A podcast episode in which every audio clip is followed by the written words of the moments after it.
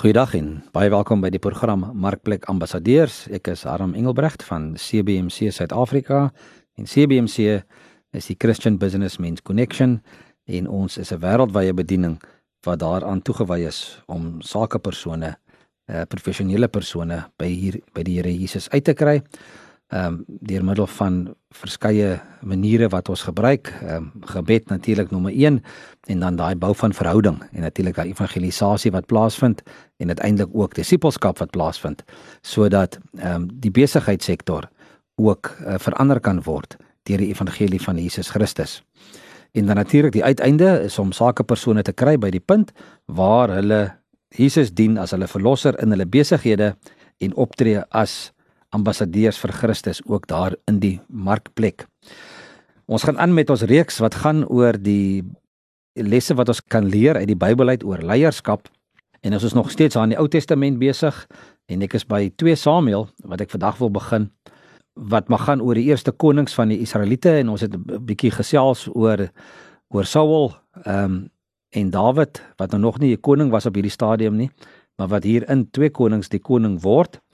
Ehm um, net so eh, as agtergrond in die oorspronklike Hebreëse uh, geskrifte was was 1 en 2 Samuel eintlik eintlik een een boek gewees wat toe nou later gedeel is in 2 en en 2 Samuel begin nou met die dood van koning Saul en ook sy seun Jonathan en alhoewel uh, die profeet Samuel vir Dawid al in vroeg in 1 Samuel gesalf het as uh, die volgende koning het sy bewind eintlik nou eers begin nadat um, Saul en en Jonathan oorlede is. En Dawid het natuurlik geweier om die gesag as koning te aanvaar tot na Saul uh, se dood. Ehm um, so dis ook 'n ding wat ons nou nou gaan na kyk om bietjie te kyk oor oor dat Dawid ook gesag aanvaar het tot op die einde. En in in hierdie oorgangstyd natuurlik tussen van van Saul na Dawid het 'n burgeroorlog uitgebreek uh, tussen Dawid se leer uh, onder aanvoering van Joab en Saul se magte onder hulle aanvoerder Abner. En Dawid se leer het al hoe sterker en sterker geword terwyl die ander een nou agteruit gegaan het. En toe Joab nou uiteindelik vir Abner doodmaak, was Saul se ondersteuners se moed gebreek. En Juda en Israel is uiteindelik onder Dawid se leierskap verenig. En nou ja, en dan die res van 2 Samuel gaan natuurlik nou oor Dawid se leierskap en alles wat hy gedoen het en ek uh, wil nie die storie vooruitloop nie, maar ons gaan nou so elke week 'n bietjie kyk na wat het wat het daar gebeur. Wat was God se rol in in 2 Samuel? Ek dink God wou dat Israel 'n lig vir die nasie sou wees en dat hulle bure afgunstig sou raak. Ehm um, as hulle na Israel sou kyk en hierdie besondere verhouding tussen volk en God raak sien. God het die Hebreërs geseën met die bedoeling dat hulle vir die res van die wêreld tot 'n seën sou wees. Ons lees dit oor Abraham daar in Genesis 12. En onder Dawid het Israel naby aan God se doel gekom Dawid het 'n land omtrent so groot ja, baie klein, omtrent die keer Wildtuin so grootte, het hy oorgeneem en dit tot 'n wêreldklas volk ontwikkel. Almal het raak gesien met watter kragtige leierskap, ekonomie, militêre mag en natuurlike hulpbronne Israel geseën is. Dit was vir God belangrik om 'n intieme verhouding met Dawid te vestig en te onderhou want die Here het geweet waar die leier gaan, daar volg die mense. Selfs toe Dawid gesondig het, het God nie hierdie verhouding heeltemal verbreek nie. So ek het gesê net nou dat Dawid tot die einde toe Saul se gesag ehm um, ehm um, erken het. So Dawid het hom tot die einde toe onderwerp. Ehm um, 2 Samuel hoofstuk 1 dan van vers 17 tot 27. Ehm um, lees ons ehm um, wat Dawid gesê het. Ehm um, Dawid het het het gesê jy het jou dood gesoek want jy het jouself veroordeel toe jy gesê het dit is ek wat die gesalfde van die Here doodgemaak het. Dawid het toe die volgende klaaglied oor Saul en sy seun Jonathan gesing. Hy het opdrag gegee dat hierdie lied aan die inwoners van Juda geleer word. Ehm um, en dan staan daar so dan lees ons nou die dit alles wat wat Saul en Jonathan nou gedoen het. En Maar da, toe Dawid hoor dat Saul en Jonathan dood is, het hy het hy het hy nogals deur 'n rouproses gegaan. Nie noodwendig oor die koning Saul nie, maar ook oor sy vriend ehm um, Jonathan wat die koning se seun was. Maar natuurlik het hy ook oor Saul getree, want want want Saul is die ene wat hom in die paleis probeer vermoor het. Saul is die een wat probeer hele dat die Filistyne hom op die slagveld moet bykom. En het hom kruis en dwars agtervolg op soek na sy bloed. Maar waarom sou Saul, waarom sou Dawid ook Saul se nagedagtenis wou eer? Want Dawid het geredeneer dat 'n mens se plig is om jou aan gesag te onderwerp, nie afhang van die persoon wat die ambt beklee het nie.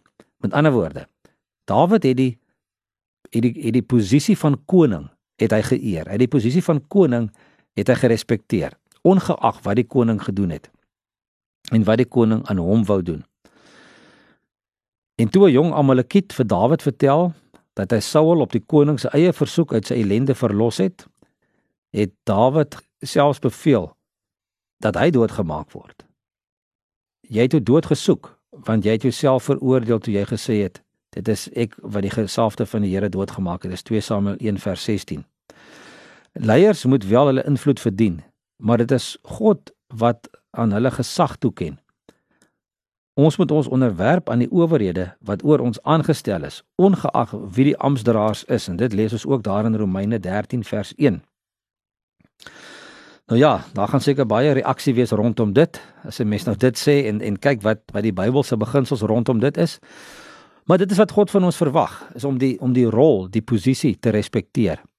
En dan natuurlik vir die amptdraers in daardie posisies te bid dat die Here hulle sal natuurlik nommer 1 die regte persone in daardie posisie sal sit, maar nommer 2 ook die persone in daardie posisie sal sal ehm um, trek na hom toe en dat hulle hom uiteindelik ook sal dien en hom sal eer en sodat ehm um, ons dan ook 'n uh, eh, leier sal hê wat wat wat die Here dien en wat hom vrees.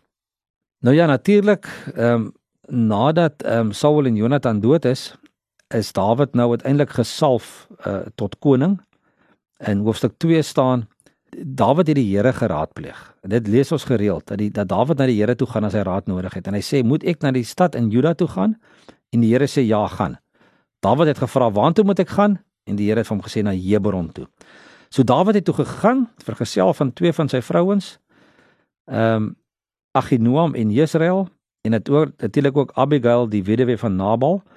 Hy het ook sy manskappe met hulle gesinne laat saamgaan en hulle het almal in die gebied van Hebron gaan woon uh daar het die burgers van Juda vir Dawid uh tot hulle koning kom salf. Toe daaraan Dawid vertel is ehm um, dat die inwoners van Jabes in Gilead vir Saul begrawe het, het hy boodskappers na hulle toe gestuur om vir hulle te sê: "Mag die Here julle seën omdat julle hierdie liefdesdaad ehm um, aan julle koning Saul bewys deur hom te begrawe. Mag die Here dan ook aan julle liefde en trou betoon." Ek self sal ook nog gewelddaad aan julle bewys omdat julle dit gedoen het. Tree nou net moedig op en wees dapper want die want julle koning Saul is wel dood, maar Juda het my tot julle koning gesalf.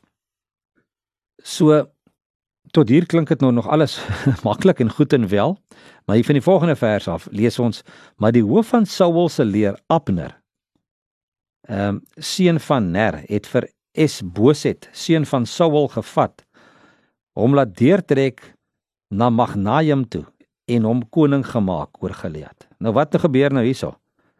Nou gaan Saul se se se leer van se hoof van sy leer en hy gaan maak toe nou sommer 'n ander man koning. Hy gaan vat toe vir Abner en hy wil hom koning maak.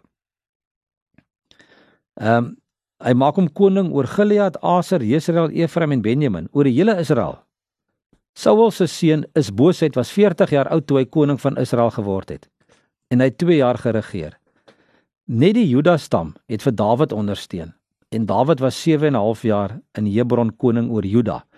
So hierso lyk dit of die of die die volk in twee skeer want daar's nou 'n gedeelte wat nou vir vir vir ehm um, is Boset as koning volg en 'n gedeelte wat nou vir Dawid volg in die verskillende streke. So daar het 'n bietjie konflik gebeur. So ek meen wat gaan nou hier aan? So na Saul se dood was daar nou 'n oproer oor wie hom moet opvolg. Ehm um, al het almal geweet Samuel het vir Dawid as koning gesalf. Was daar mense wat gereken het dis nou 'n geleentheid om mag in hulle in te palm vir hulle self. In tye van oorgang is dit is dit dikwels baie verwarring en onrus. En leiers wat nie voorsorg tref vir 'n opvolger nie, soek moeilikheid. Saul kon 'n held gewees het as hy met God saamgewerk het om Dawid voor te berei om hom op te volg.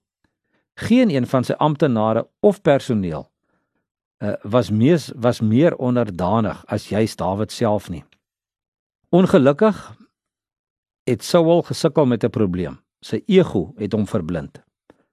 Hy kon homself en sy mense 'n groot guns bewys het as hy nie blind was vir die waarhede nie. En watter waarhede was hy voorblind? Nommer 1: Verandering laat mense onseker voel. En daarom moet leiers vooruitdink en vooruit beplan. In die tweede plek, mense kan nog met onsekerheid saamleef, maar hulle moet ten minste hulle moet ten minste duidelikheid hê oor watter koers hulle moet inslaan in die toekoms. In die derde plek, wyse besluite wat reeds geneem is, bou vir 'n leier krediet op wat toekomstige besluite betref. En die vierde plek, 'n leier wat duidelik kommunikeer en probleme kan oplos, wen geloofwaardigheid en ook sy mense se vertroue. So, toe dit nou verder is, hier nou 'n bietjie drama gewees daar tussen die tussen die manne. En toe sal nou weer 'n geveg by die dam van Gibeon waar Abner ehm um, en en en is boosheid ehm um, nou weer kan be, gaan beklei het. En Joab seun van Seruja het met hulle het met Dawid se soldate Dawid se soldate opgetrek en hulle tegemoet gegaan by die Gibeon dam en Joab hulle aan die een kant van die dam gaan sit en die ander manne aan die oorkant en Abner skree vir hom laat die jong manne hier voor ons 'n oorlogspel kom speel. Hulle kan dit maar doen was Joab se antwoord. 12 12 man het toe namens Benjamin en is boosheid na vore gekom en so ook 12 van Dawid se soldate. Maar elkeen het sy opponent aan die hare beet gekry en met die swaard onder die ribbes gesteek en hulle het gelyk omgekom. Daarom word die plek in Gibeon die ribbebeensdeel genoem. Daardie dag toe daar 'n ewige ontveg ontwikkel, het Abner die en die manskappe van Israel is daar is deur Dawid se soldate verslaan. Nou dit is 'n klomp vrede goed wat hier gebeur het en manne wat oor mag te kere gegaan het en teenoor mekaar gaan beklei het. Maar wanneer ons uiteindelik nou kom by by Joab ehm um, en dit is die ou wat ons net van gelees het wat aangestel was ehm um, om Dawid se soldate te lei. Ehm um, hy is die ou wat bietjie vergeet het dat daar bo hom nog 'n rang is. Hy wou sommer hy wou sommer alles self gaan doen en hy wou ehm um, eintlik baasspelerig raak. En ons lees dit daar in 2 Samuel uh hoofstuk 3 dan waarvan vers 6 af verder.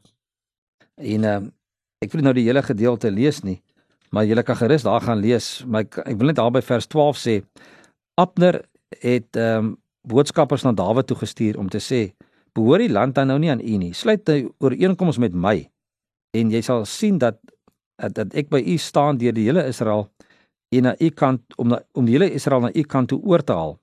Maar Dawid sê: "Goed, ek sal 'n ooreenkoms met jou sluit. Ek verwag net een ding van jou. En dis dat jy, jy nie met my moet kom onderhandel sonder om Saul se dogter Mikal saam te bring nie." Dawid het toe boodskappers na Saul se seun uh, is boosheid gestuur wat gesê het gee my vrou Mikal terug wat ek as vrou verkry het in ruil vir die 100 Filistyne. Is boosheid het gestuur en haar laat wegvat van haar man Palti en hy het saam met sy vrou geloop huil huil agter haar aan. Toe het Abner vir hom gesê gee pad loop terug en hy het hom omgedraai. Daarna het Abner met die leiers van Israel gepraat. Julle probleem is lankal om vir Dawid koning te maak. Doen dit nou. Van die Here het vir Dawid gesê: "Deur my dienaar Dawid sal ek my volk Israel red uit die mag van die Filistyne en van al sy vyande." Maar Abner het self ook vertroulik met die Benjaminite Benjaminite gaan onderhandel.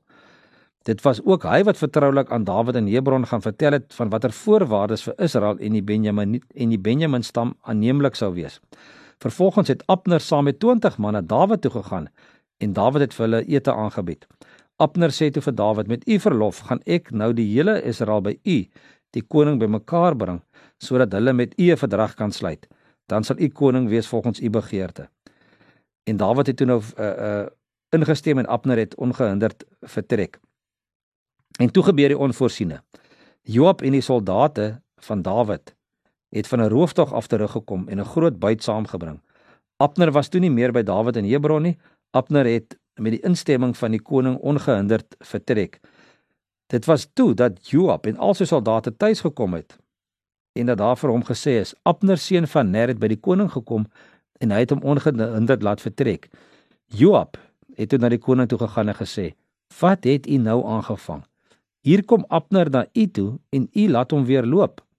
U het tog vir Abner seun, u ken tog vir Abner seun van Ner. Hy het net gekom om u vir die gek te hou." Ja, om uit te vind wat u bewegings is en wat u doen en late is. Joab is toe van Dawid af weg, het boodskappers agter Abner aangestuur. Hulle het hom by die watergat langs die doringboom laat omdraai sonder dat Dawid dit geweet het.